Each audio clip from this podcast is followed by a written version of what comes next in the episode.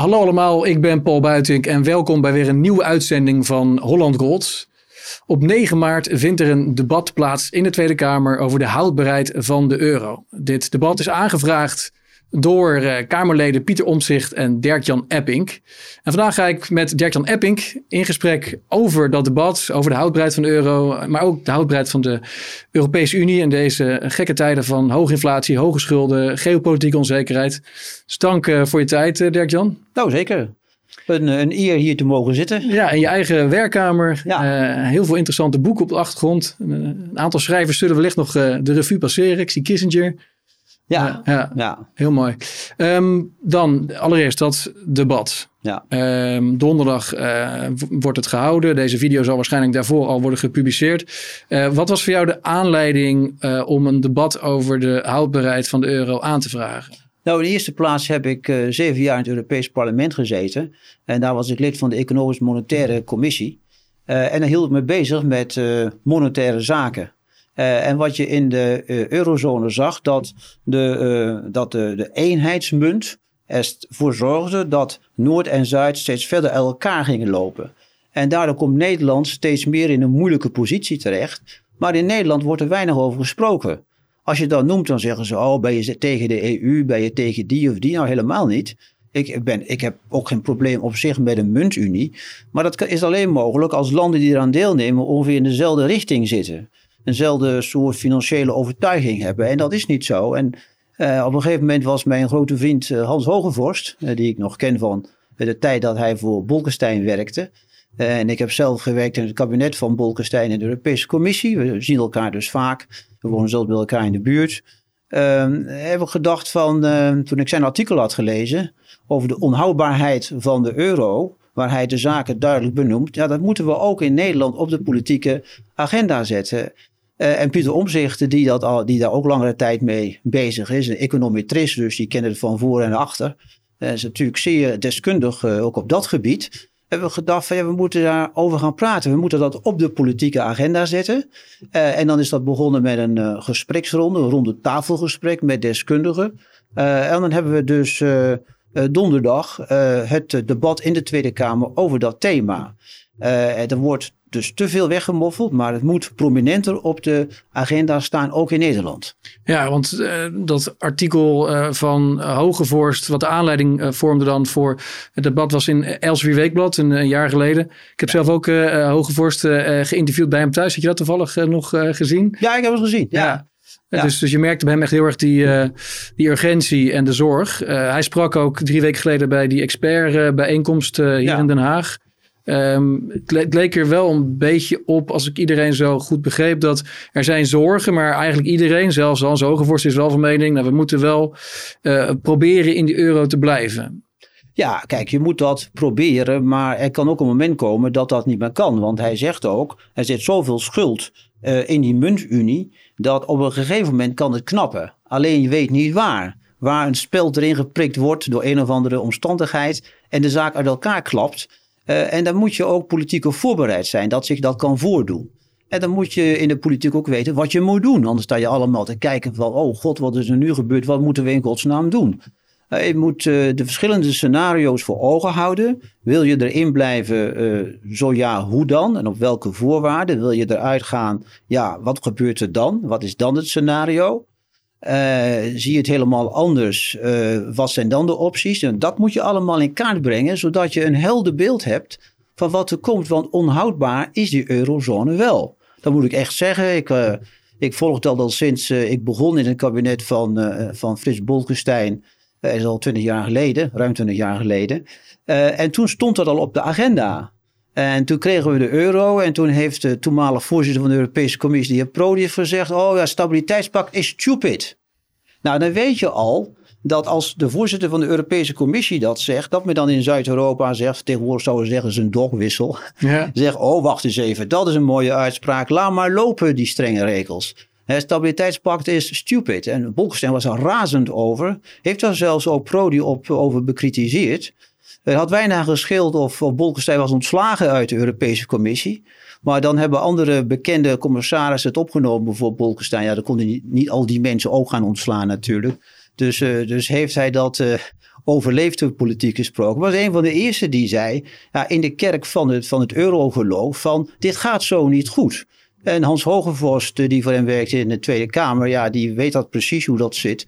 Uh, heeft dat naar voren gebracht. En ik heb gedacht, we moeten dat hier ook op de agenda zetten. Ja, maar Hogevorst en Bolkestein, die wisten toch eigenlijk wel dat het niet zou gaan werken op de manier waarop het uh, is, is bedacht, de euro. En toch hebben ze ja gezegd. Dat, dat is verbaasd. Ja, nou, dat, dat, dat naïef, of? nou ja, Hogevorst die zei dat ook in de ronde tafel bijeenkomst. Hij zei, als, hadden, als de VVD nee had gezegd tegen de euro, zou de, de VVD zijn gesplitst. Uh, en dan uh, zou de VVD uit, in twee kampen uiteen zijn gevallen. Want Bolkestein stond relatief alleen in zijn kritiek op uh, de euro. Dus Gerrit Salm, minister van Financiën, die zei er natuurlijk ook wat van. Die zei vooral dat Griekenland er niet bij moest komen. Ja, heeft hij ook gelijk in ja, gehad trouwens. Maar Italië was natuurlijk net zo goed een, een twijfelgeval. Of België ook. Uh, maar is het dan als, als uh, volksvertegenwoordiger toch idealiter zonder last of ruggespraak moeten doen dat wat goed is voor het volk? Dat de, dat de VVD dan uit elkaar valt. Dat zij dan maar toch zo. Als je op dat moment voelt en ziet ja. dat, je, dat je land daar op termijn geen baat bij hebt, dan zul je toch gewoon nee moeten zeggen? Uh, ja, dat, dat, dat klopt op zichzelf wel. Maar als je dan kijkt naar de Tweede Kamer, in die periode was de overgrote meerderheid daarvoor. Uh, er was zelfs geen twijfel over. Ik geloof dat er maar één CDA Tweede Kamerlid tegen heeft gesteld. Professor De Haan, als ik me niet vergis, over de toetreding van Griekenland. Dus uh, het was het geloof in uh, meer Europese uh, cohesie en samenwerking door middel van een eenheidsmunt. Want de gedachte was, een eenheidsmunt brengt eenheid. Ja. Een eenheidsmarkt heeft een eenheidsmunt nodig. Dat is helemaal niet zo. Nee. Maar men wist ook in die periode relatief weinig af van een monetaire unie. Ik ben me daar later ook in gaan verdiepen toen ik in Brussel zat. En uh, daar stuit ik op uh, de werken van de Bundesbank en van, van Duitse economen die daar veel meer van af wisten. En dan krijg je gewoon steeds meer twijfel. En dan denk je, ja. kan dat wel werken? Want in de jaren en, 60 had je natuurlijk al de theorie van Mundell, het optimaal valutagebied. Daar voldeed de Europese Unie en de, uh, de Economische Monetaire Unie absoluut niet aan. Dus je nou, kon al theoretisch zien bedenken van dit, dit gaat op economische gronden niet werken. Ja, ja dat, kun je, had je, dat kun je van tevoren kun je dat zien.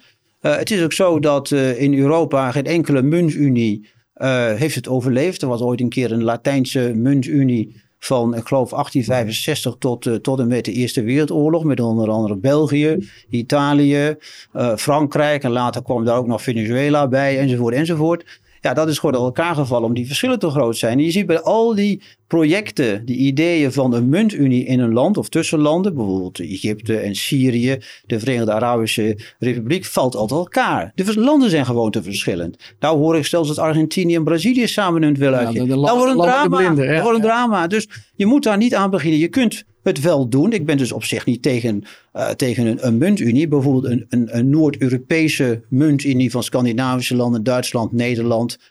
Uh, ja, dat zou het zo'n beetje zijn. Ja. Uh, dat zou perfect uh, functioneren, omdat de filosofie over economie, financieel beleid dicht bij elkaar zit. Ja. En dat is dus in de, in, de, in, de, in de eurozone niet zo. Er zijn twee verschillende godsdiensten die eigenlijk met elkaar strijden van uh, welke koers gevaren moet worden. En vaak is het een gemiddelde, zoals de euro zelf. Uh, en dat gemiddelde is uh, niet goed voor geen van beide.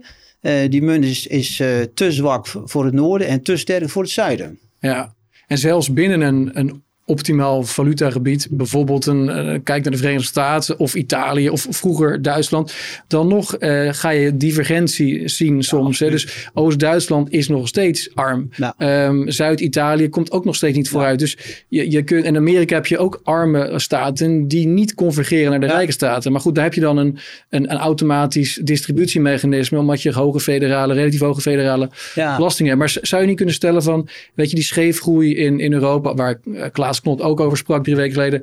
Ja, dat, uh, dat zal misschien schever gaan groeien. Maar zo, zolang er maar iedere keer nieuwe schulden worden gemaakt. En er vindt straks oh ja. uh, een herverdeling plaats via Brussel. Dan kan het nog prima tientallen jaren doorgaan. Wat, waar zit het onhoudbaar ja, in dan? Dat is toch het uh, uitschuiven van het, voor zich uitschuiven van de crisis. Want als je nou neemt een land als Italië. Uh, dat had uh, vroeger, uh, de jaren 60 heb ik het dan over, La Casa di Mezzogiorno. En dat was een geldstroom van Noord-Italië naar Zuid-Italië in de jaren 60. Het heeft niks geholpen. Niks geholpen. En in Zuid-Italië, wie rijker is geworden, dat was de maffia. De maffia is gegroeid door allerlei zaken, zwarte, zwarte economie en dergelijke kunnen opzetten. Uh, dat, uh, dat werd dus eigenlijk een, een financieringssysteem voor de, voor de maffia. Maar dat heeft Zuid-Italië niet geholpen. Ik ben vorig jaar nog op vakantie geweest in Sicilië. Uh, en uh, ja, je ziet dat komt op zichzelf niet zo snel vooruit. Omdat dat, een heel deel van die bevolking is ook uh, geïmigreerd naar de Verenigde Staten en dergelijke. op het moment van de Italiaanse eenwording werd dus de lieren ingevoerd. En vanaf dat moment werd het noorden rijker en het zuiden werd armer. En dat is altijd zo ja, gebleven. Ja. Dus Italië zat al in een, een, een eenheidsmunt van, van de lieren. Uh, daardoor is dat verschil groter geworden. Het is nooit gedicht en zelfs in de Europese Unie is het niet gedicht. Nou, dat kun je ook een andere transfer-economie die je kent als België. Dan ken ik zeer goed zelfs. Ja. Daar heb ik ook lange tijd gewoond. Uh, en dan zie je ook dat uh, hoeveel transfers er gaan van Vlaanderen naar Wallonië, het helpt niet. En dat geldt zelden voor de Verenigde Staten, waar ik ook heb gewoond. Als je in zuidelijke staten komt, zie je, zie je vrij brede armoede. Dat was er in de jaren 30 ook. En dat was er een 100, 100 jaar geleden natuurlijk ook. Uh, en, en dan zie je dat die transfers niet, niet helpen, omdat uh, ze komen terecht in een gebied waar het ondernemerschap niet echt bestaat. Uh, waar meer arrangementen zijn in de politiek, waar dan corruptie is enzovoort, waar het geld wordt opgemaakt uh, niet wordt geïnvesteerd, ja, en dan blijf je arm. En dat is het grote verschil in het economisch denken. Als dat denken verschillend is, dan werkt een muntunie niet. Nee, maar tegelijkertijd moeten we constateren dat de euro, uh, ingevoerd in, in 1999, inmiddels weer bijna een kwart eeuw bestaat. Uh, Arjo Klamer die, die, die, zei al in de jaren 90, nou dat gaat het niet lang volhouden. En hij is al meerdere keren ten dode opgeschreven, maar iedere keer, na iedere crisis, lijkt ogenschijnlijk de Europese Unie of de eurozone weer een soort van sterker te worden. Uh, ogenschijnlijk dan, hè? omdat er nou, weer meer fondsen ja, worden gecreëerd. Er worden ja. meer macht gaat richting Brussel. En zo langzaam maar zeker wordt je die transferunie ingezogen. Want er zijn natuurlijk eurobonds, ondanks ja. dat er in 2017 door de regering werd verklaard, die zouden niet komen. Maar alle dingen die niet zouden gebeuren, zijn gebeurd. Uh, dus wellicht als je dat pad blijft volgen, dan slaapwandelen we eigenlijk richting een, een Europese federatie. En kan die euro nog jarenlang doorgaan. Is, is dat een scenario? Ja, dat is een scenario. En het is ook zo dat uh, de structuur van de euro. Uh, en, het, uh, en het euro-denken is de ever closer union. Dat betekent dus dat je de stru structuur hebt van een fuik. Je gaat steeds verder erin. er zit dus niet een schietstoel in. zoals in een militair vliegtuig, dat je eruit geschoten kunt worden. En dan kun je met een parachute lekker landen. En dan zeg je van nou zoek het maar uit. Uh, dat zit er niet in. Je zit in, een, je, je zit in een fuik en de enige richting die er is, is verder die fuik ingaan. Nou, en dan is de vraag van, ja, waar leidt het dan toe? Ja, dat leidt tot steeds meer transfers. En dat zie je ook als je bijvoorbeeld uh, kijkt naar de berekeningen van de heer Hoogduin. Uh, dat de transfers van Noord naar Zuid of van Nederland naar het zuiden enorm zullen toenemen. Je komt op een gegeven moment over een bedrag van circa 35 miljard per jaar. Nou, na, zo, na 40 jaar is dat meer dan een biljoen. Ja, uh, dat betekent toch dat, dat de waarde van onze diverse departementen die wij, uh, die wij hebben in Nederland, uh, 35 miljard is een enorm bedrag. Dat zijn wij dan kwijt voor het financieren van Zuid-Europa, terwijl we zelf ook armoede om ons heen zien. Onze eigen mensen kunnen hun rekeningen niet betalen. Je ziet steeds meer energiearmoede. zes op de tien gezinnen komen financieel in moeilijkheden. En het wordt alleen maar erger. Dus je eigen bevolking dreigt op een gegeven moment ja, in opstand te geraken. En zegt van ja, dit is genoeg, dit kan zo niet langer. Ja, en dat is natuurlijk de afgelopen jaren um, was het volk in Nederland wel oké met al die transfers. Omdat het hier ook niet per se heel slecht ging. Onder de, nee. onder de oppervlakte borrelde natuurlijk wat een en ander. Maar nu met die hoge inflatie en, en, en inderdaad de, de, de armoede die uh, toeneemt onder gezinnen. De rij bij de voedselbank zal inderdaad een ja. punt gaan bereiken de komende tijd. Dat mensen zeggen oké, okay, uh, we moeten ons anders gaan verhouden tot Brussel. Ja, als, ik, als ik een voorbeeld mag noemen. Uh, als je nou kijkt in, naar de Nederlandse politiek. Hè, dan zie je dus uh, dat uh, men op het platteland, ik ben zelf uit de achterhoek, dus ik ken het platteland vrij goed, uh, dat de plat, het platteland is in opstand. Is in opstand tegen, ik zou zeggen Den Haag, niet tegen Rotterdam of Amsterdam, maar tegen Den Haag. En voelt zich in het bestaan, het voortbestaan en bestaanszekerheid bedreigd.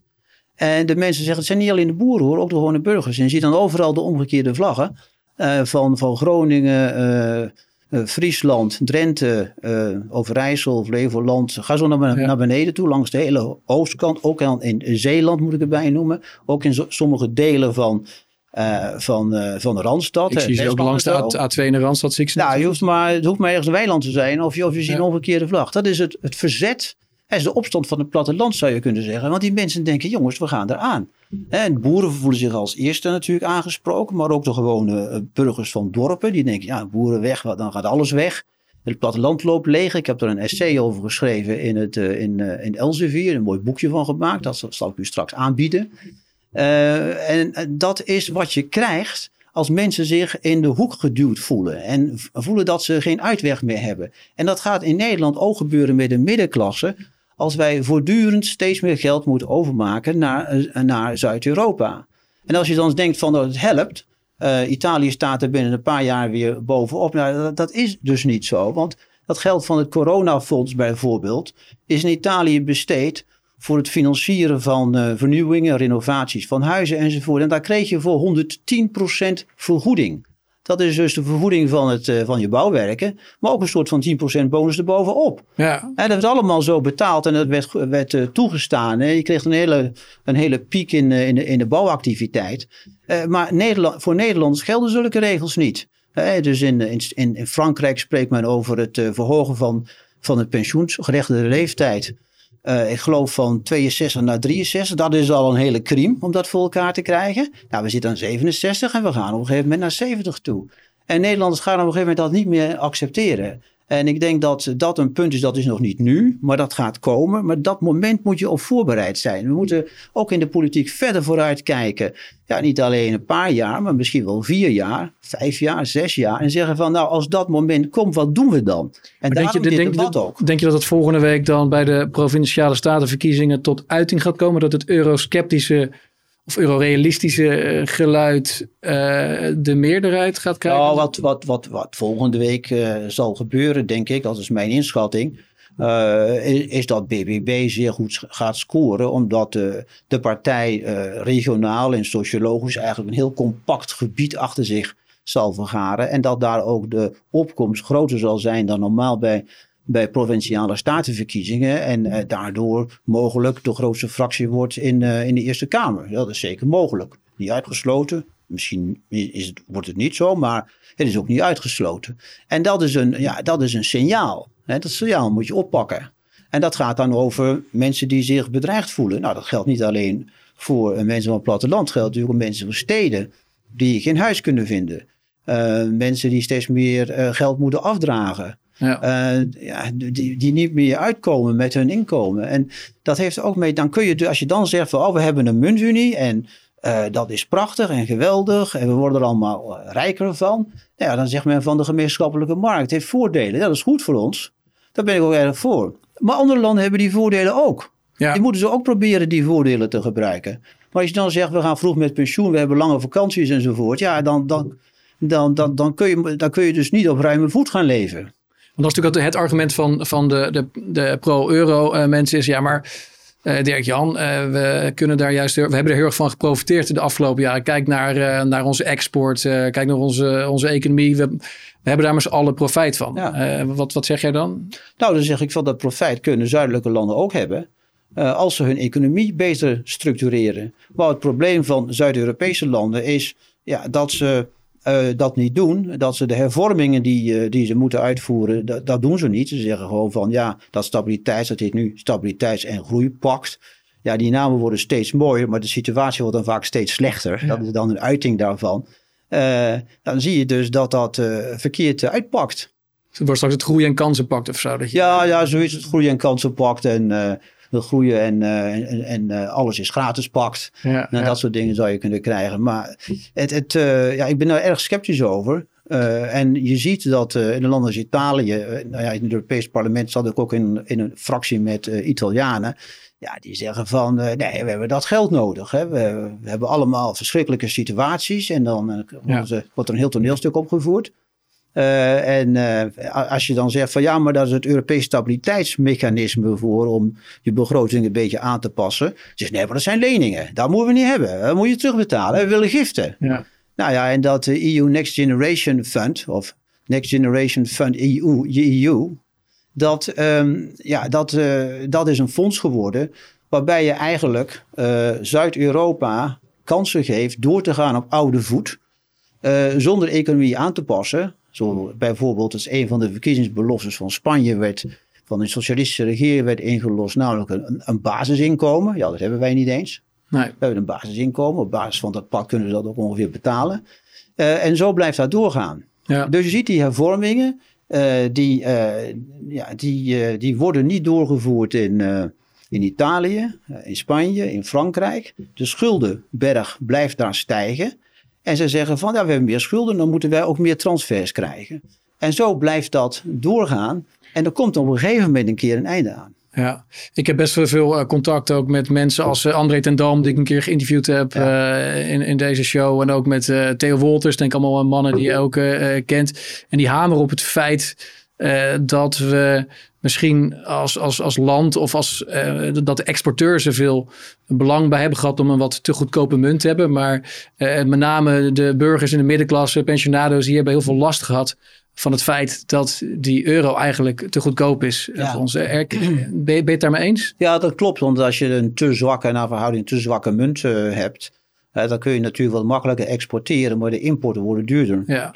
Uh, en dat, dat gaat dan tegenwerken. Dat het, dat is de andere kant van, van de medaille. Bovendien, wat je ook ziet, nu de afgelopen jaren, om Italië en, en, en, Frankrijk enzovoort te, te helpen, uh, is de inflatie, ja, de inflatie moest hoger zijn. Nou, dan is die intussen zo hoog geworden dat die ja, in plaats van 2% is rond de 12%. Dat is natuurlijk veel te veel. Maar dan zie je ook dat uh, de ECB niet hard genoeg op de rem durft te trappen met de renteverhogingen. Want ja, dat, dat, dat kan Italië niet overleven.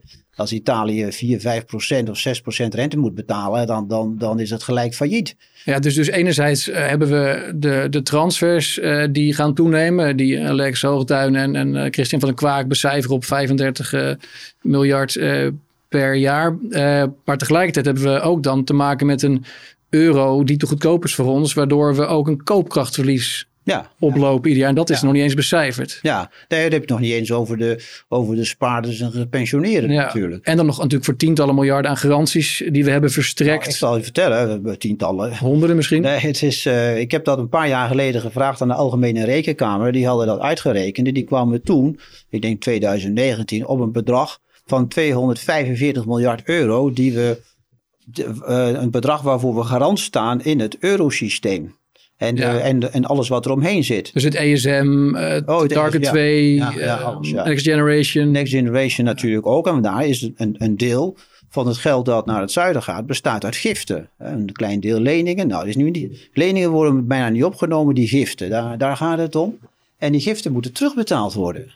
Ja. En op een gegeven moment, als een land zegt, ja, ik kan niet terugbetalen Waar komen ze dan terecht? Maar gift is of toch juist niet terugbetaald worden. Die lening moet uh, terugbetaald worden. Ja, die lening aan de kapitaalverschaffers ja, ja, ja, terugbetaald worden. En dan staan we allemaal hoofdelijk garant voor alle landen. Ja, en dus uh, de, de kapitaalverstrekkers zeggen, ja, dat geld moet er wel terug. Als jullie het nou lenen of, of, uh, of, of, of gratis geven, dat moet je zelf weten. Maar dat geld Klopt. wat wij verstrekken, moeten jullie terugbetalen. Ja. Nou, en, dan, en, dan, en dan kloppen ze aan en zeggen je, ja, maar ik kan het niet terugbetalen. Ik heb veel te veel schuld. En dan komen ze bij de twee triple-A-landen, Duitsland en Nederland. En op basis van die twee triple, triple A's leent men ook geld op de kapitaalmarkt.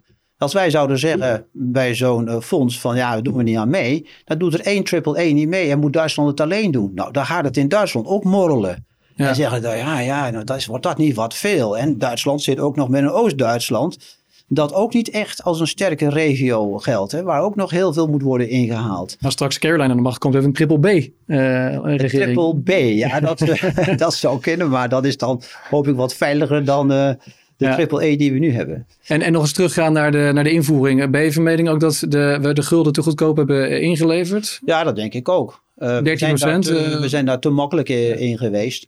we hebben gedacht van ja, het komt wel goed we hebben te veel vertrouwen gehad in het idee van de muntunie. Waarvan ik juist heb gezegd van dat is een gevaarlijk experiment. Omdat je niet, je weet waar je aan begint. Je weet niet waar je uitkomt. En we komen dus nu uit in een transferunie. De Bundesbank heeft dat altijd gezegd. Dat gaat een transferunie worden.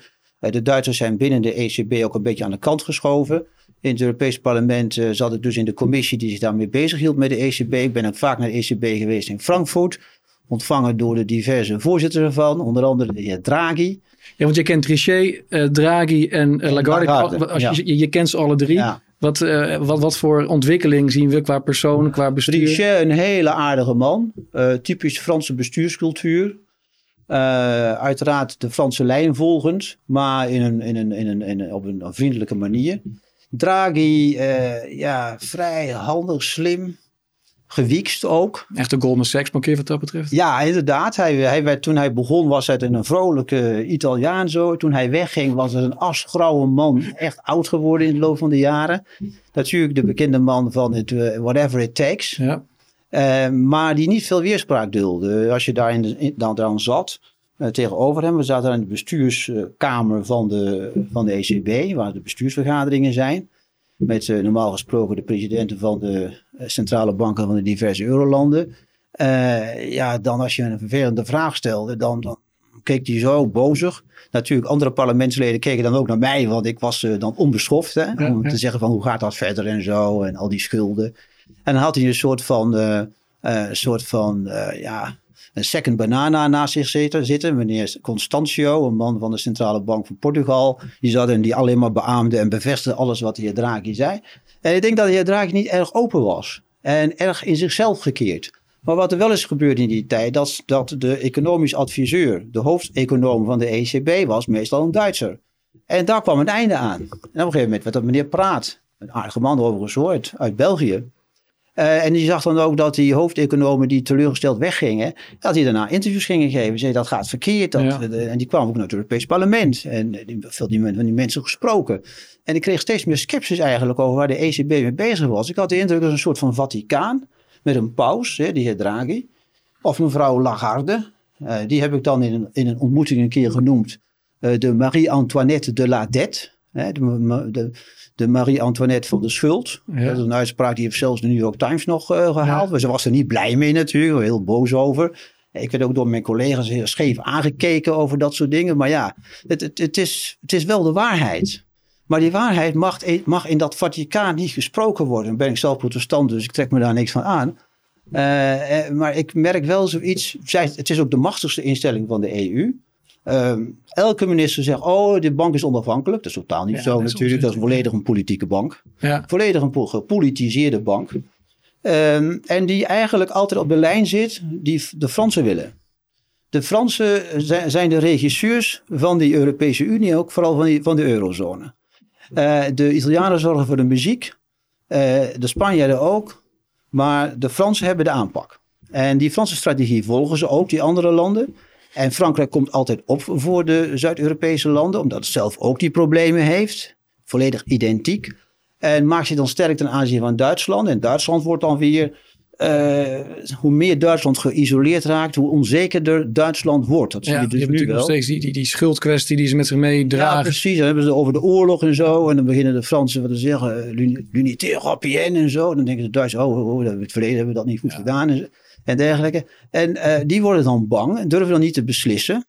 En dan blijft er één land over, ja, Nederland. Ja, Eh, die mag dan het vuile werk opknappen. Die mag dan, ja, dat doen ze. Dat, dat is ook inderdaad zo. Dat, dat, de Schäuble, die toen die minister van Financiën was, die liet Dijsselbloem het vervuile werk opknappen. En Schäuble zat, ja, sicherlich, we werden dat maar ons überlegen, hè, terwijl hij er tegen was. En dan moest dan Dijsselberg, die moest, moest dan, of Ja. eh, Dijsselbloem moest dan eh, het, het, het vervelend doen, de slechte boodschap brengen. Ja, dus we zitten in een Latijnse muntunie. En die conclusie kunnen we Ja, weer. trekken, denk ik. Weer. Eh, Ja, inderdaad. De vorige was geen succes. Ehm, maar eh, dan praat het over de oplossing. Want je bent dan zelf, wat je net ook aangaf, nou, je zit in die fuik. Eh, je hebt een schietstoel met parachutes. Er moet nu worden nagedacht over die schietstoel en die parachute.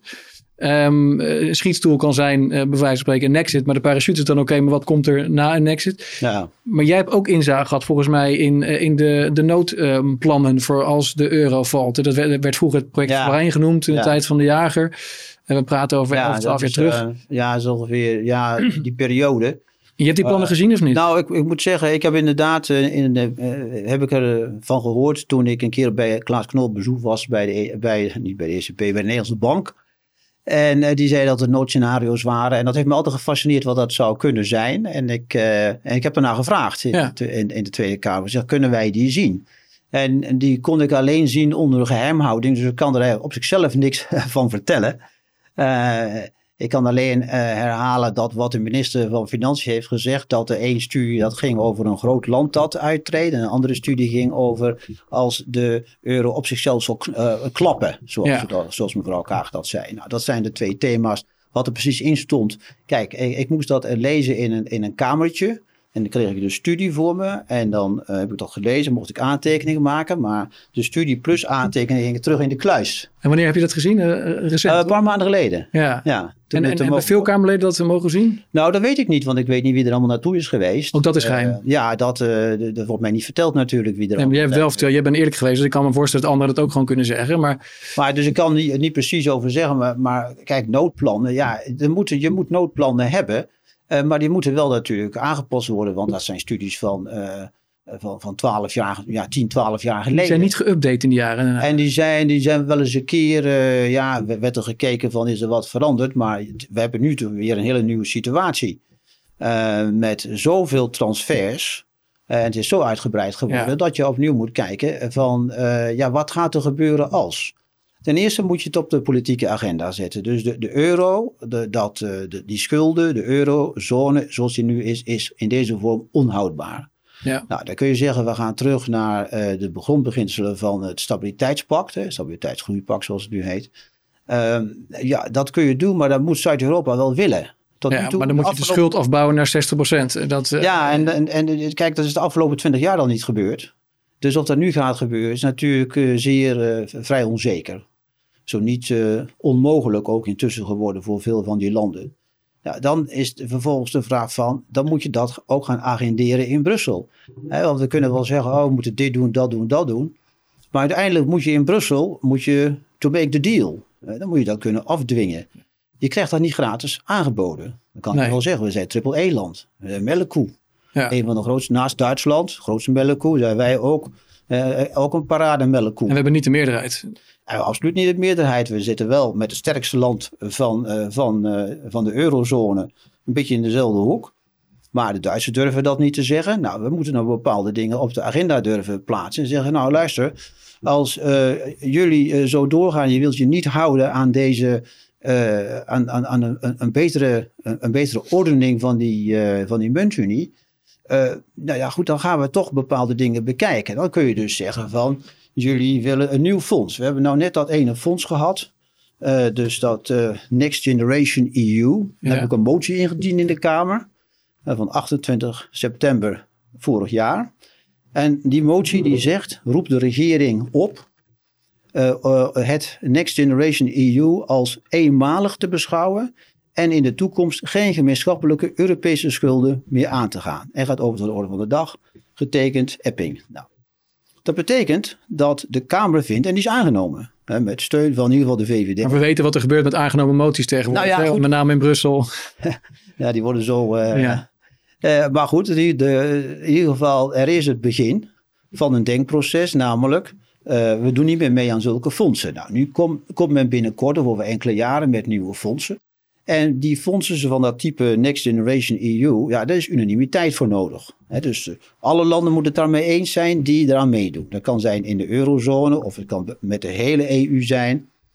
Uh, en als dat nodig is, dan kun je zeggen van ja, we, we doen niet mee. Nou, dan worden ze heel veel landen natuurlijk boos. Uh, dat, heeft, uh, uh, dat heeft de heer Hoekstra meegemaakt toen hij zich verzette ja. tegen de aanvankelijke plannen van de Next Generation EU.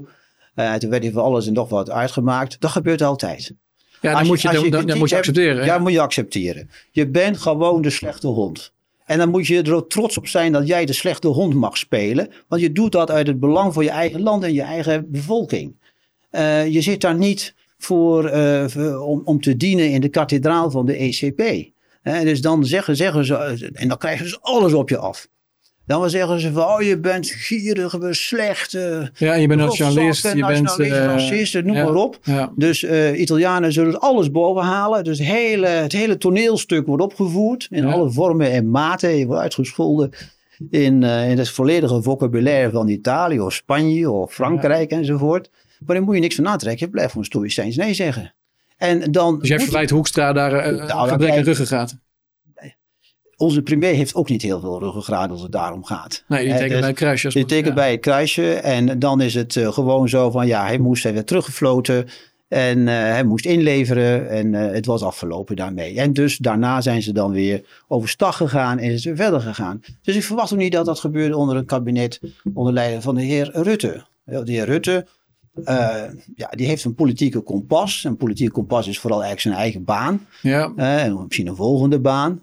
Eh, maar dat zou je volledig verspelen als je hier zou dwars gaan liggen. Dus hij gaat helemaal mee met, eh, met, dat, met dat denken. En met D66 in een coalitie gebeurt het ook. en hetzelfde geldt van Hoekstra, die waarschijnlijk ook al denkt aan zijn vorige, volgende corporate job. Ik denk dat die Hoekstra in, eh, in zijn achterhoofd zitten, heeft zitten om een volgende Europees commissaris te worden. Ja. Ja, dat denk ik zeker. CDA zal het niet zo goed doen. Alleen het enige waarvoor ik hem dan wil waarschuwen, je moet er wel een partij als vehikel hebben om daar überhaupt te komen.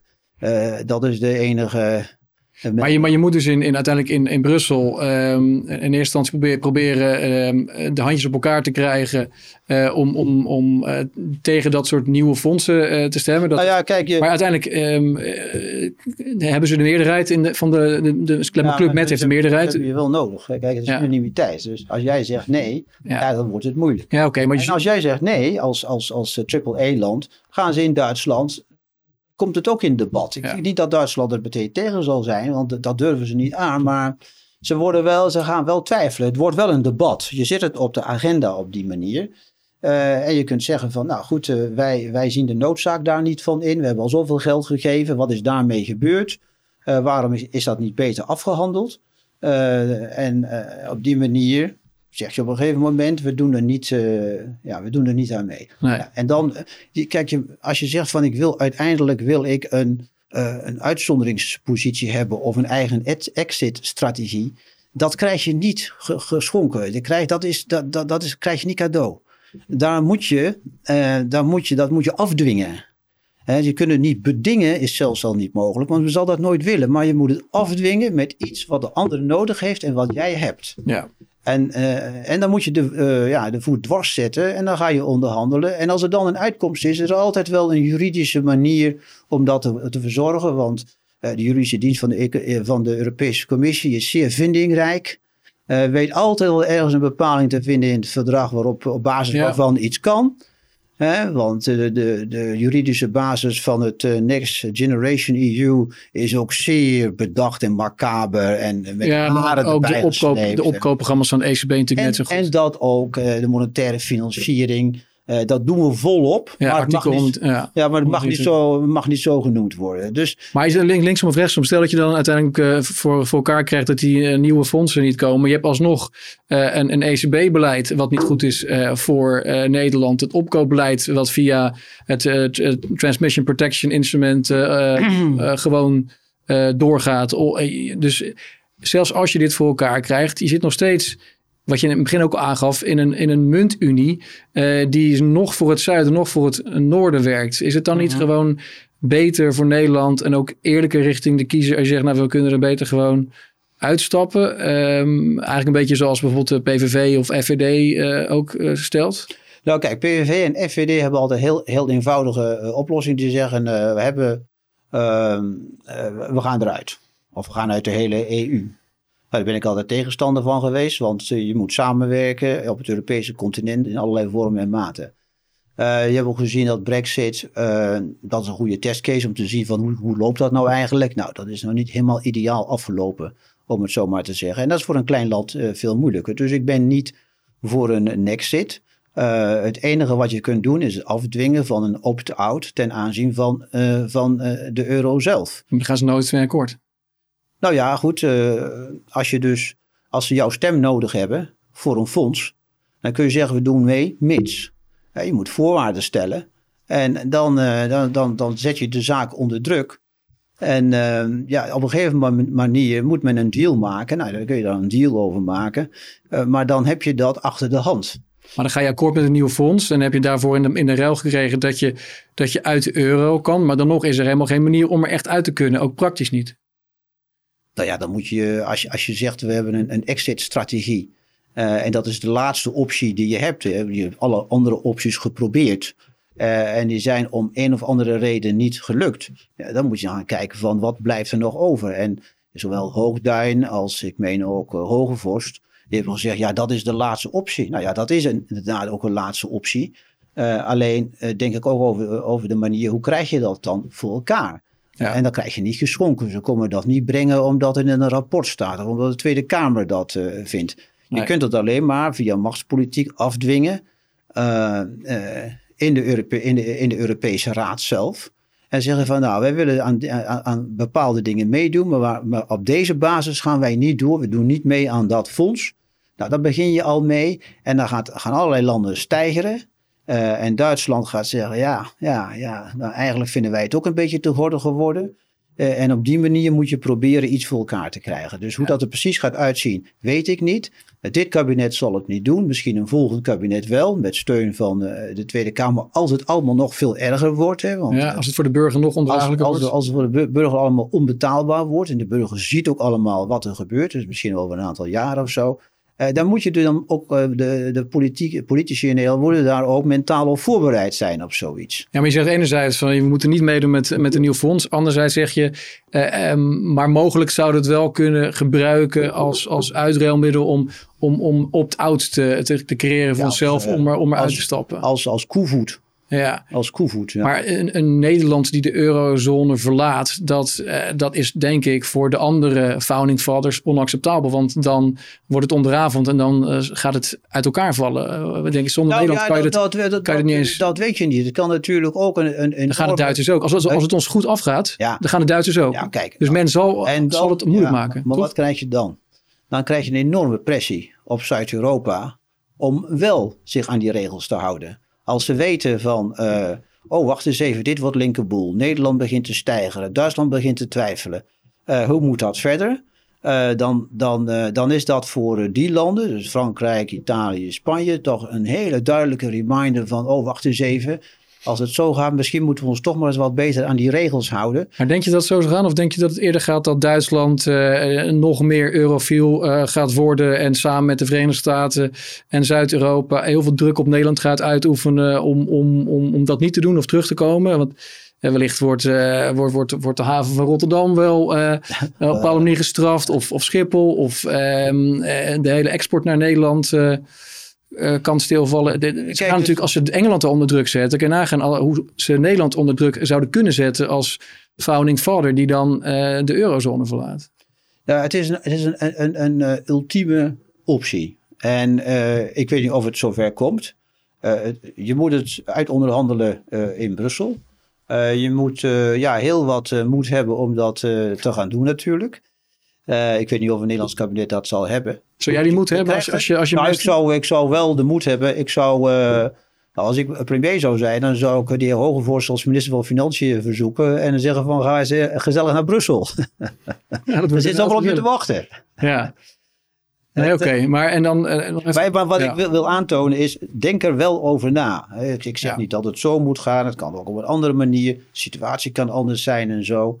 Uh, maar je moet wel erover nadenken uh, waar je terecht komt over een paar jaar. Als die, uh, als die schade van die transfer steeds groter worden en de Nederlanders ja, ook beginnen te, te, protesteren. Zoals het platteland nou in opstand is gekomen, komt dan een bevolking in opstand. Ja. Maar dan tegen Brussel.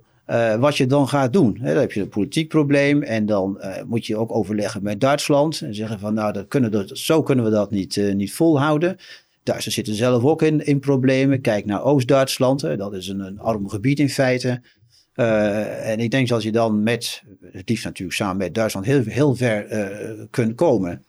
Zou het dan juist ook een, een, een, reden zijn om die noodplannen, om die juist wel te openbaren, zodat de rest van Europa weet dat het wat ons betreft menens is en dat we nadenken over een plan B, omdat ja, plan nou ja. A niet in ons voordeel werkt? Ja, dat, uh, dat moet je ook doen. Dat dus wat jou betreft worden die plannen gewoon. Uh, nou, die plannen zijn dus vrij gedateerd. Uh, dan zijn, ze ook, dan zijn ze ook onschuldig als ze toch al oud zijn, toch? Ja, nou ja, dat vind ik ook. Maar de, de, dat zijn nou eenmaal de regels van het ministerie van Financiën. Dus daar ga ik niet, niet, over. Maar men kan wel. het hoeft niet, het niet een studie te zijn van van de Nederlandse bank of zo. Dat kan ook, een, kunnen ook andere instellingen doen eventueel die dat wel kunnen openbaren. Uh, en te kijken van ja, wat gaat er dan gebeuren? En in welke richting gaat het dan lopen? Gaf het, jou, gaf het jou voldoende comfort, het zien van die plannen? Of was je sceptisch toen je het las? nou, dat kan ik moeilijk zeggen. Nu vraag, stel je me een vraag die, die mij tot strafrechtelijke vervolging kan leiden. Dus dat zal ik eventjes... Kun je geen dogwissel doen of zo? Nee, een dogwissel, ook geen, geen katten, katten miauw. Of klopt twee keer. Ja. Nee, oké. Ik begrijp de, de, de spagaat waarin je zit. Want het is natuurlijk wel heel erg. Want je hebt zelf vroeger heel, heel erg nagedacht ook over alternatieven. Je was eh, betrokken bij de Guldenmark van Marcus Kerber. Nou ja, ik heb heel veel gesproken met Duitse professoren bijvoorbeeld. Uh, ook al die mensen die naar het Bundesverfassungsgericht uh, gingen. Ja. Ook allemaal professoren. Men zegt wel eens in het Duits van uh, hoe de professoren vaderland du bist verloren. Uh, ze weten het allemaal beter. Ja. Maar er was een permanente gang in die periode naar de Bundesverfassungsgericht. Ja, ja. En, alles uh, verloren? Ja, alles, ja, ze hebben wel de meeste, de meeste van die procedures hier en daar een kleine, een kleine overwinning, een ja, overwinning. Maar dan in Europa weer verliezen. Maar dan hebben ze dat toch weer uh, verloren, omdat Duitsland erin meegaat. Maar goed, we zullen zien hoe over een paar jaar die situatie is. Ook situatie in Duitsland zelf, hè, want daar gaat het economisch ook allemaal niet voor, uh, vooruit. en dat is eigenlijk wel, Duitsland is wel de grootste melkkoe van, van heel Europa. Ja, want je, je, hebt natuurlijk allerlei varianten die je kunt overwegen. Duitsland, Duitsland zal dit debat nooit op gang brengen. Duitsland, als Duitsland hiermee begint, hierover begint praten, dan wordt iedereen zenuwachtig. Ja. dus wij, uh, wij kunnen ons dat permitteren om dat debat te lanceren. Om te zeggen van kijk, als dat zo doorgaat, ja, dan gaan we toch ook een keer verder hm. kijken. Uh, en dan zullen veel landen, bijvoorbeeld uh, ja, Hoekstra heeft dat natuurlijk geprobeerd met, met dat fonds nu. Nou, dat is mislukt. Maar bij een volgende fonds, we hebben gezegd, ja, dat, eh, dat er geen gemeenschappelijke Europese schulden meer moeten worden aangegaan. Ja, dan we dat, als we dat toch gaan doen, dan vind ik dat je moet, moet nadenken van wat de opties zijn. In alle richtingen. Dan moet je alle opties in kaart brengen. Maar is dat dan ook de, de opdracht die jij jezelf en de partij uh, jaar 21 hebt gegeven de komende tijd om om die opties ook uit te werken. Want je kunt niet de noodplannen openbaren, maar je kunt wel als partij uh, samen met, met academici uh, de verschillende opties uh, neerleggen voor het volk. Nou ja, we hebben al gezien dat er tal van rapporten zijn geweest voor die ronde tafelbijeenkomst. Ja. En je zou ook een aantal juristen of economen econ of economisch juristen kunnen vragen van ja, hoe ziet er dat dan uit? Want je hebt ook de Matteo Solution, heb ik met André ten Dam erover gesproken. Nou ja, dat, is, dat, is, dat is ook een bekende, meer technische en zo. Uh, wat vind je daarvan? Ja, ik vind het altijd wat moeilijker om het uh, moeilijk om uh, te begrijpen. En het, ik, ik, denk dat het. ik zou niet precies weten hoe het in de praktijk moet werken. Je moet me nog eens een keer duidelijk uitleggen. Ja, maar het, het, zou, het zou kunnen. En, je hoeft in ieder geval niet een verdrag te wijzigen dan. Want je mag als land niet je eigen uh, munt voeren naast de euro. En het voordeel van zijn oplossing is dat je in ieder geval dat je de euro behoudt. Maar dat je dan per land je eigen um, uh, rekeneenheid krijgt. En dat ja. dus ook gedevalueerd kan worden door een Ja, ja dat moet men natuurlijk ook wel willen. ja. De andere landen. Maar het zou mooi zijn als die, en ik hoop dat dat dan een beetje de komende tijd naar voren komt, dat je Um, we hebben nu verschillende rapporten die hebben aangetoond wat de, wat de kosten zijn van die transferunie. Wim Boonstra praat uh, nu of onderzoekt van wat zijn nou de kosten van, van een exit. Die, dat, zijn natuurlijk ook uh, enorme kosten. En die moet je dan als, als, als kabinet straks of als burger tegen elkaar gaan, gaan afwegen. Ja. Want als, als jaar 21 wil je graag een referendum over dit thema, toch? Nou ja, uiteindelijk als je zo'n uh, zo'n grote stap zet, dan moet je wel vragen wat de bevolking daarvan vindt. Um, kijk, als je nu zou zeggen, we gaan de, de, de, de, euro uit, dan zou je natuurlijk geen enkele steun krijgen van een kabinet, geen enkele steun, geen enkele meerderheid hebben uh, in de Tweede Kamer. Uh, het is een proces, het is een politiek proces en daar moet je over nadenken. En naarmate je nadenkt, uh, krijg je zelf meer inzicht. En uiteindelijk zal, afhankelijk van de situatie, zul je in Brussel moeten onderhandelen. het liefst in goede overeenstemming met Duitsland over uh, wat je wilt. Maar je moet wel aangeven uh, dat, de, dat die muntunie onhoudbaar is. En dat die transfers zo niet kunnen doorgaan. Maar wat is dan als, ja, je kan een referendum doen. ja, kan het nu niet, er is geen, geen wet voor. Maar stel dat die wet er is. En je kan bijvoorbeeld een raadplegend referendum doen onder het volk. Wat zou dan jouw advies zijn richting het volk? Nou ja, dat, wat zou de vraag zijn? Ja, nou, daar wil ik me nou niet over uitspreken. Je spreekt nu over, over hele theoretische uh, oplossingen. En wat er precies de vraag moet zijn en hoe het er moet uitzien. Uh, je hebt concreet in het partijprogramma staan. Je wil een referendum over het houdbaarheid van de Ja, maar ik wil eerst door, eerst door dat proces heen. Ja. Uh, als je dat zomaar vraagt, is, is niemand echt op voorbereid. Iedereen denkt, of veel mensen denken van, oh, het, het zal wel meevallen. Maar mensen merken wel dat ze erop achteruit gaan. En dat de euro daar ook een debet aan is.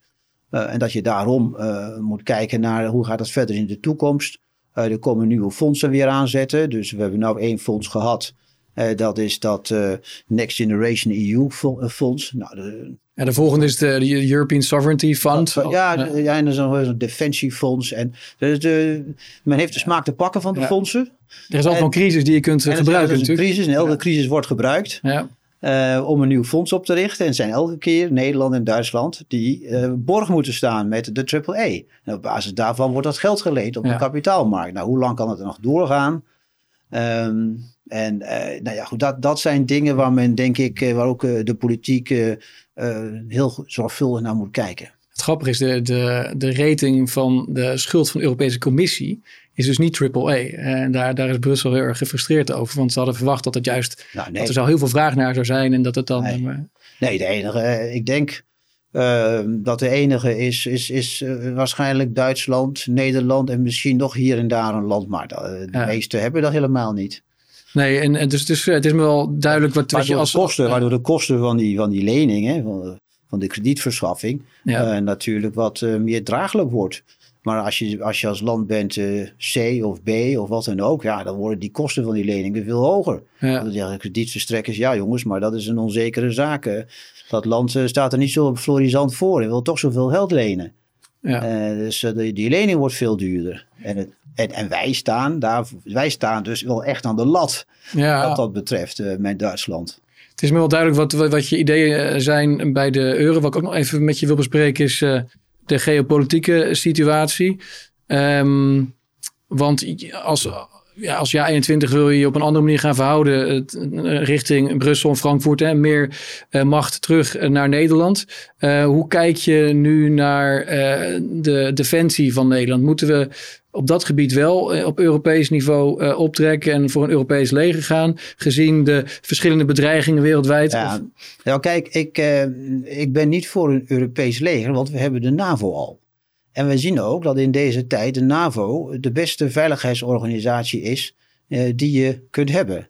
Maar wat vind je dan van. Rusland de... zal nooit op het idee komen om ons aan te vallen, want ze weten, ja, er staat de hele NAVO. Hoe kijk je dan naar de aanslag op, op de Nord Stream pijpleidingen? Er is absoluut geen enkel bewijs van. Wordt ook door Duitsland gezegd dat Rusland dat gedaan zou hebben. Het zou ook gek zijn als je als land een infrastructuur van 50 miljard opblaast terwijl je de kraan dicht kan doen. Maar, ja, ik weet niet wie dat, wie dat gedaan heeft. Maar dat moet waarschijnlijk wel gewoon een partner zijn van het Westen, of de Verenigde Staten, of Polen, of ik Noorwegen. Weet, ik weet dat, dat, dat, dat u en ik hebben dat niet gedaan. Nee, we zouden dat niet eens kunnen. Uh, en dan verschillende verhalen van de Verenigde Staten uh, heeft het gedaan. Wat vind je van, heb je dit nou, gelezen? Die ik, heb, ik heb het gelezen. Het, uh, theoretisch is dat zeker mogelijk, want Amerika kan dat. Maar wat zegt dat over de, over, over de relatie die we hebben met... en in hoeverre kunnen zij ons veiligheid bieden als nou ja, zo'n zo aanval doen? Nu zeg je dat het allemaal al zo is. Er is nog een onderzoekscommissie enzovoort. Nou, laat ik dat eerst even afwachten om te zeggen wie het gedaan heeft. Maar ik heb het natuurlijk wel dat artikel met interesse gelezen. Uh, misschien zijn er ook nog andere landen die het gedaan zouden kunnen hebben. Uh, maar ik vind wel, als je kijkt over de NAVO, als je spreekt over de NAVO, ja, dan is het. We, we hebben de NAVO de afgelopen uh, tien jaar volledig verwaarloosd. Vergeet niet dat we die 100 tanks waar we het nu steeds over hebben, die hebben we in 2014 hebben we die aan, aan Finland verkocht, 200 miljoen. Ja, maar stel nou toch moeten, we 100, moeten we 100 tanks uit Duitsland bestellen om die eventueel uh, uit te lenen aan, uh, aan Oekraïne.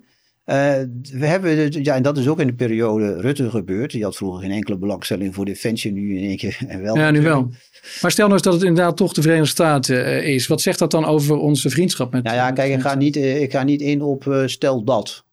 Want dat zijn hypothetische vragen. Ja, maar de, heel, veel Kamerleden, heel veel Kamerleden buitelden over zichzelf. Weten om het aan te geven dat Rusland dat was. Dus... Nou ja, dat weet ik ook niet of Rusland dat was. Die hebben geen incentive. als, is, uh, als is verbrande turf, zei, uh, zei Lubbers altijd. Maar ik, ik, ik, het verbaast mij dat er eh, over dit thema zo weinig wordt uh, gesproken in Den Haag, in Brussel. want met dat soort vrienden heb je ook geen vijanden nodig eigenlijk. En ik heb vorige week gesproken Nou. met Tom Sauer, een hoogleraar internationale politiek in, in de Universiteit Antwerpen. Nou, die, eh, die maakt zich wel zorgen over eh, de. Kijk, Rusland had Oekraïne niet eh, binnen moeten vallen, staatsrechtelijk gezien en moreel gezien. Maar tegelijkertijd heeft de NAVO natuurlijk wel de nodige fouten zelf ook gemaakt. Of, of zie je dat anders? Ja, kijk, de NAVO is, heeft Oekraïne niet binnengevallen. En dat is natuurlijk al een belangrijk punt. Eh, je, kunt het, eh, je kunt de these houden dat eh, is de NAVO niet te ver of te snel uitgebreid. Daar werd in de jaren negentig over gesproken. Bolkestein was tegen de uitbreiding van de NAVO. Ook een beetje tegen zijn eigen partij in, eerlijk gezegd. Nou, dat debat heeft hij dan wel, wel verloren in de, in de Kamer. Omdat hij zei, dan uiteindelijk kom je, stuit je op een, eh, op een confrontatie met, met Rusland. Ehm, de NAVO is uitgebreid, maar als, eh, ik, heb ook, ik was ook correspondent in Polen, dus heb ik ook gewoond. Ik heb overal gewoond. Ja, ja, ja. ja. Eh, Allemaal de wereld. ja, eh, in Polen eh, wordt ja, Rusland gezien natuurlijk als een groot gevaar. Ja, en dat is, terecht op basis van de ja, er, ja. erf- En ervaring in het alle. Ja. alle Oost-Europese landen, nemen we ook Tsjechië, Slowakije, Hongarije. Ja, die hebben allemaal natuurlijk aanvaring gehad met de Sovjet-Unie. En de Baltische Staten waren deel van de Sovjet-Unie. Eh, Finland heeft een Fins-Russische oorlog eh, gehad. Dus die, in die regio eh, wordt dat echt gezien als een, als een, ja, een- levenszaak, een zaak van overleven. En dat kan me ook goed voorstellen als je daar woont. Als je daar woont, dan is dat ook zo. Want het is natuurlijk een enorm groot land Ja. waar je mee te maken hebt. Ja, en dat is de vraag, is dat, is dat niet te snel gegaan? Die landen wilden dat graag. Nou, dan kom je aan Oekraïne. Oekraïne is geen lid eh, van de NAVO. En eh, toch is daar die inval gekomen. Eh, die invasie met, met, met vreselijke gevolgen. Ik denk dat Russisch leiderschap zich volledig heeft miskeken op de, het verzet van de Oekraïners. Eh, in Rusland, ik heb Rusland kunnen gestudeerd, je zult die verschillende boeken ook overzien. Eh, en spreek ook Russisch. We hebben biografie van de heer Brezhnev in het Russisch gelezen. Ehm, het is natuurlijk zo dat eh, men heeft dat volledig eh, eh, onderschat. Omdat de Russen dachten van nou we kunnen dat gewoon even. We, we rijden naar Kiev en in drie weken. ik geloof dat Poetin dat ooit een keer heeft gezegd. Tegen Jaap de Scheffer toen hij secretaris-generaal van de NAVO was. In drie weken sta ik in, in Kiev. Nou, we zijn naar Kiev vertrokken. Dat is een totaal mislukking geworden. Ja. De Russen zeiden altijd, eh, Oekraïne dat is een regio, dat stelt niks voor. Maar wij hebben Het tegelijk... gevolg, het ja. gevolg van deze hele actie, van deze invasie, is dat, een, een- dat Oekraïne is nu een zeer zelfbewust land. Je kunt zeggen, dat is een land bijgekomen. En ehm, Met een hele hoge prijs. ja, met een hele hoge prijs. Maar dit heeft een, een, een soort van Oekraïense eenheid eh, tot stand gebracht. Eh, en, en daar heeft, eh, heeft, heeft Poetin eigenlijk zelf voor gezorgd. Maar die prijs had dan ook al wel, die hoge prijs had wellicht voorkomen kunnen worden. Als, als je dan terugkijkt naar 2008, waarbij Bush ehm, aangaf dat eh, Georgië en Oekraïne lid konden worden, waren bijvoorbeeld een, een Merkel en een Macron. Die waren daarop tegen. Eh, maar Ja. Bush heeft uiteindelijk gewoon mes op de keel gezegd: je moet hiermee akkoord gaan. En wij, in, in, in, wij hebben natuurlijk ook in 2014 eh, als zowel EU als NAVO een bepaalde rol gehad eh, bij de volksrevolutie en, en, ehm, en natuurlijk het afzetten van Janukovic. Dus we hebben als, misschien als, als Europa wat idealistisch gedacht van ja, dat eh, eh, komt wel goed, die uitbreiding en, en Rusland zal er wel mee leren leven. Ja, maar ja, kijk, eh, Ne- Nederlanders denken over buitenlandse politiek een beetje zoals binnenlandse politiek, namelijk zeer idealistisch en moralistisch. En denken als de mensen zijn zoals wij, Ja, dan, dan, dan wordt het ook allemaal zoals wij dat willen. En in de werkelijkheid gaat het dan in, in internationale politiek gewoon om macht. En die macht kan heel bruut en hard zijn. ja. Dat zie je wel hè, met militaire middelen. Dus eh, in China is dat ook zo. Eh, China is een zeer hard eh, land als je daar woont als burger. Ja, dat geldt voor, voor Rusland ook. Je, je hebt niks te zeggen.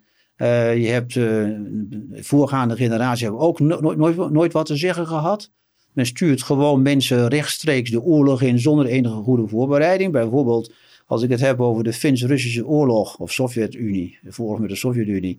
In 1939 er zijn 20.000 Finnen omgekomen en 1,2 miljoen eh Sovjet-militairen. De Sovjet-militairen werden zo naartoe gestuurd. Ja, dat ja. En dat is, zoals Stalin was, zo is Poetin ook. Precies hetzelfde. Het interesseert ze helemaal niks.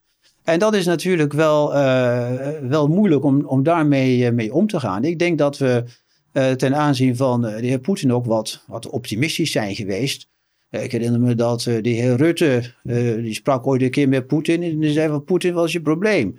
En Poetin zei van, oh, I have no friends.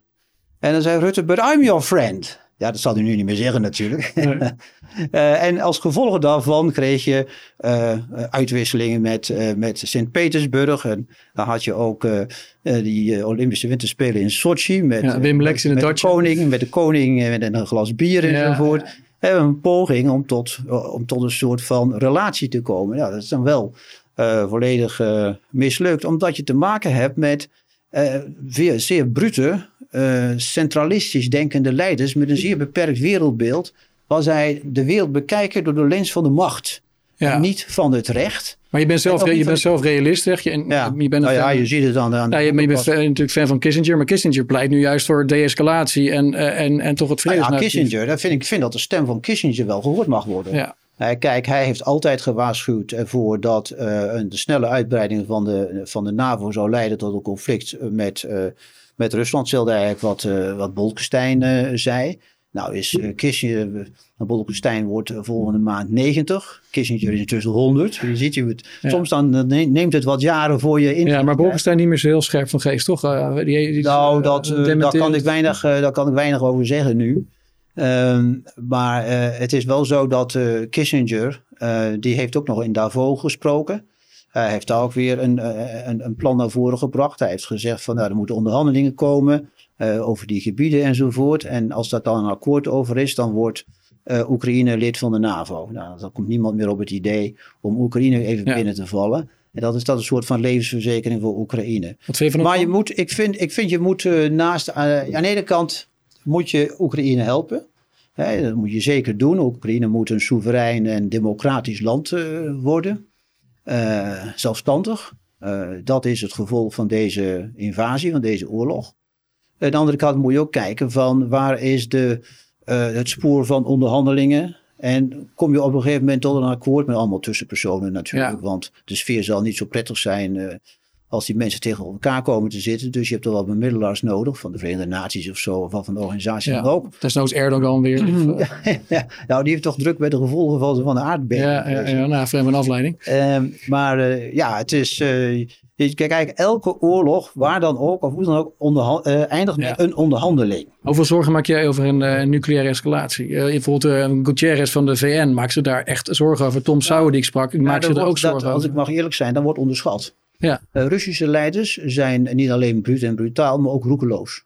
Dat zie je nu al met deze militaire interventie. Ja, maar westerse, westerse generalen en leiders net zo goed. Hè? Als, je, als je kijkt nou, naar 1962, dat ging bijna mis. Ook omdat ze uh, de westerse uh, militaire top gewoon op de knop wilden drukken. Dus, ehm, de, de Russische nucleaire strategie, die, is, die is zo dat uiteindelijk, uiteindelijk Poetin beslist. En ik denk dat er ook niet veel stations meer tussen zitten van mensen die dat kunnen, kunnen stoppen. In de Verenigde Staten is dat wel zo. Uh, de president die heeft de voetbal, zoals het heet. Dat is een nucleaire, met alle nucleaire codes bij zich. mag die nooit laten liggen op de wc of zo. oh, dat wordt toch lastig met Biden dan? Ja, ja dat, uh, nou, iemand anders zal dat wel bij zich hebben in zijn buurt. De, de, de, de, de voetbal, zoals het heet, is altijd in de buurt. En um, daar zitten wel verschillende gradaties uh, tussen. Dus uiteindelijk uh, is het ook, de, ook het, uh, het, het hoofdcommando van de, van de Amerikaanse strijdkrachten. Die hebben daar ook wat over ja. te zeggen. Dus als de president zich niet goed voelt en of hij maakt een grap. Hè, dat heb je ook wel eens. Reagan die zei: Oh, druk maar op de knop. Dat was een grap. maar dan gaat dus een generaal daar niet op de knop drukken. Slecht grap, ja. Ja, en, en, en bij, ja, in, in, in, in Rusland is het eigenlijk zo de Sovjet-Unie was er ook natuurlijk veel meer te, berekenen, omdat je daar een instantie had, je had een partijleider, je had een organisatie en je had daar ook interne mechanismen, omdat de Sovjetleiders werden steeds ouder. En die waren in de tachtig en zo en die waren dus vaak ziek en uh, ja... Uh, uh, daardoor, daar, als die dan gekke dingen gingen zeggen, dan moesten mensen tussen zitten die dat gingen voorkomen. Nou ja, en ik denk dat ik vrees een beetje dat dat in, in Rusland veel minder is. Er is een, altijd een risico dat iemand impulsief, of dat Poetin impulsief zegt, nou we gaan een, een, een beperkt nucleair wapen inzetten. Uh, ja, dan heb je natuurlijk een enorme escalatie. Ja. Stel, je komt een grote tankformatie op eh, de Russische grens af en je kan het allemaal niet meer aan. Nou, dan gaan we er maar een tactische nucleair wapen opgooien. Dan zijn we er in één keer van af. Maar dan heb je een enorme escalatie. Dus dat, is, dat moet je niet uitsluiten. Kijk, de, de mogelijkheid is er. En daarmee kun je de, kun je de kans dat het gebeurt niet uitsluiten. En er wordt erg lacherig over gedaan. Ja.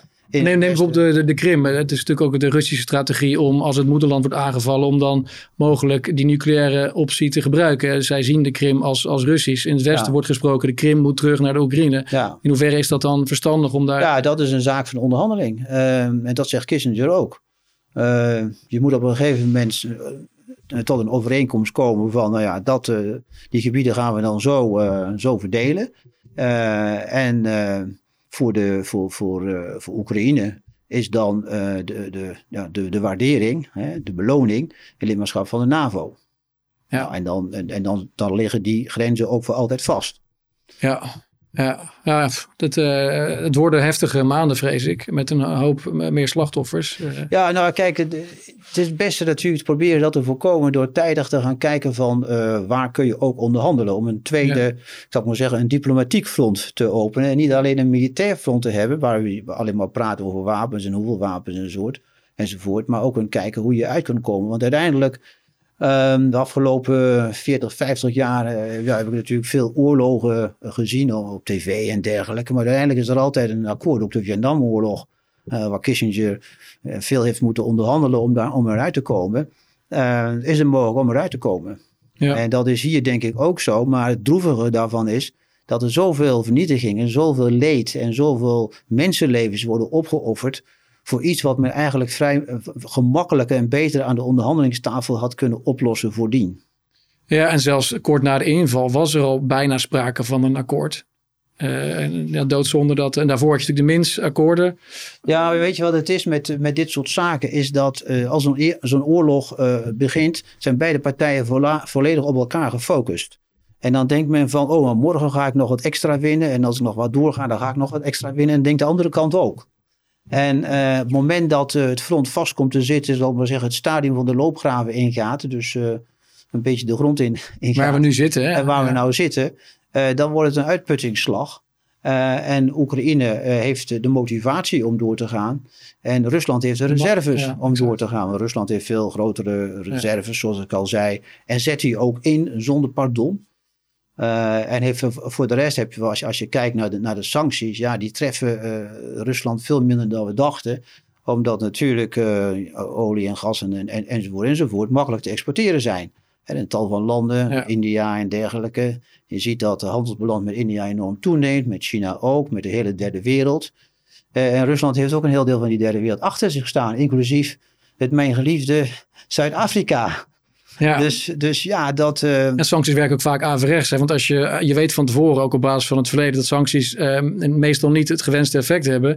Maar de mensen in, in zo'n land uh, lijden wel op een bepaalde manier. Bijvoorbeeld een goede vriend van mij, zijn Russische schoonmoeder, kan niet uh, makkelijk meer naar Nederland vliegen of een, of, uh, of een visum verlengen. Dus uiteindelijk gaan dan de ja, locals gaan zich, gaan zich dan scharen achter Leiden. Omdat ze ja. in eerste instantie misschien wel kritisch waren ten aanzien van de Leider. Maar op een gegeven moment merken ze van ja, wacht eens even, als wij worden hier geraakt, dan gaan we de Leider. Misschien is met, dat, dat met de schoonmoeder niet zo erg. Nou ja, met je schoonmoeder inderdaad. Ja, ik heb er zelf af en toe een half jaar in huis, dus ik weet hoe het is. Maar nee, uh, maar goed. Ja, goed om misschien met inderdaad een, een lichte, lichte noot uh, te eindigen, Dirk. Jan was natuurlijk op, uh, op veel gebieden een zwaar gesprek. Dus uh, ik denk ja, ja. goed dat je even het ijs... Maar het was, het was leuk en ik moet zeggen, um, dus het debat over de euro, we beginnen dat nu. Maar dat gaat intensiever worden. En over een, een jaar of twee jaar zitten we in een fase waar we echt erover moeten nadenken wat we gaan doen. En we ook opties moeten hebben en zelf creëren door zelf te onderzoeken wat kan, wat niet ja. kan. Ja. En het op de agenda te zetten. Ja. Ook in Brussel. Nou, ik, ik ben, ben groot voorstander van discussie en debat uh, in, in, in, een goede sfeer met, met als, als doel om, om Nederland beter te maken. Dus ik, uh, ik waardeer uh, dat je het agendeert. dus, dus dank daarvoor. dank voor het gesprek. Ja. en uh, nog even richting de kijker. Uh, ik, ik, merk op dat er toch soms uh, nog mensen tussen zitten die niet geabonneerd zijn. Terwijl ze wel de video's waarderen. Dus abonneer je even, like de video. En tot snel bij weer een, een volgend interview.